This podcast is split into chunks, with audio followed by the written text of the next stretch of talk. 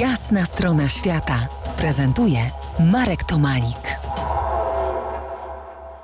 Po jasnej stronie świata Mateusz Marczewski, reporter, autor kilku książek i kilkudziesięciu artykułów prasowych. Rozmawiamy o tak zwanych kulturach rdzennych, którymi, tak to czujemy intuicyjnie, wzrasta zainteresowanie. Czytamy, oglądamy, wydaje się, że coraz bardziej jesteśmy otwarci na ich głos.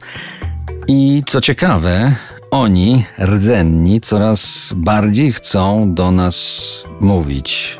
Co mają nam do powiedzenia? Przede wszystkim e, wydaje się, że ci, którzy, których zaczynamy słuchać, e, mówię tutaj między innymi o Indianach amazońskich, mają nam do, do przekazania przesłanie właściwie, które bardzo często ta figura retoryczna się powtarza, nie jest przesłaniem do końca ich, ale jest przesłaniem ziemi do ludzi. I Indianie przychodzą do nas z przesłaniem takim właściwie można powiedzieć elementarnym, w którym e, oni diagnozują e, kryzys ekologiczny jako kryzys właściwie ducha.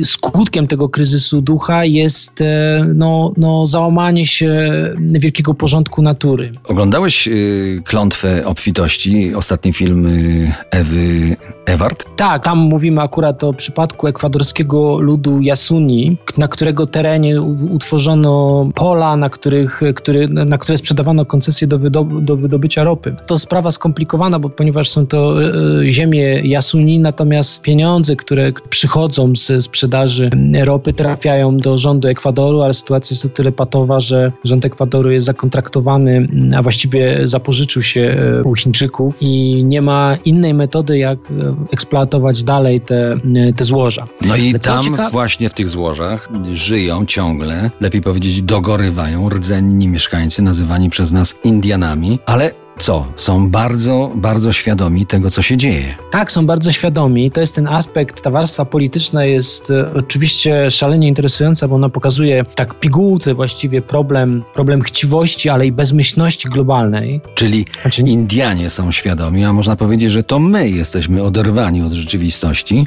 tak, tak. i że to oni, rdzenni, zdecydowanie lepiej rozumieją skalę przemian. Interesujące jest to, co oni mówią o samym wydobyciu ropy, o samym korzystaniu wykorzystaniu. Te rdzenne społeczności nie upatrują problemów e, w migracji pieniędzy, czy, czy rzeczywistym kopaniu, czy zatruwaniu wód, które powodują, że lokalni mieszkańcy chorują, tylko oni sięgają o wiele dalej. Oni twierdzą, że ropa, którą my wydobywamy, jest czymś na kształt krwi ziemi. Teraz akt, w którym pozwalamy jej wypłynąć na powierzchnię, to jest tak, jakby matce swojej e, upuścić krwi, tak metaforyzuję, ale to jest właściwie bardzo bliskie. To znaczy oni kate kategoryzują ziemię i powierzchnię jej, a także cały jakby porządek ekosystemu w formie bytów. I teraz oni twierdzą, że wyciąganie ropy do ziemi jest gestem, który przeczy porządkowi.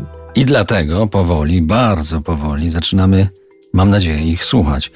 Porozmawiamy o tym za kilkanaście minut. To jest jasna strona świata w RMS Classic.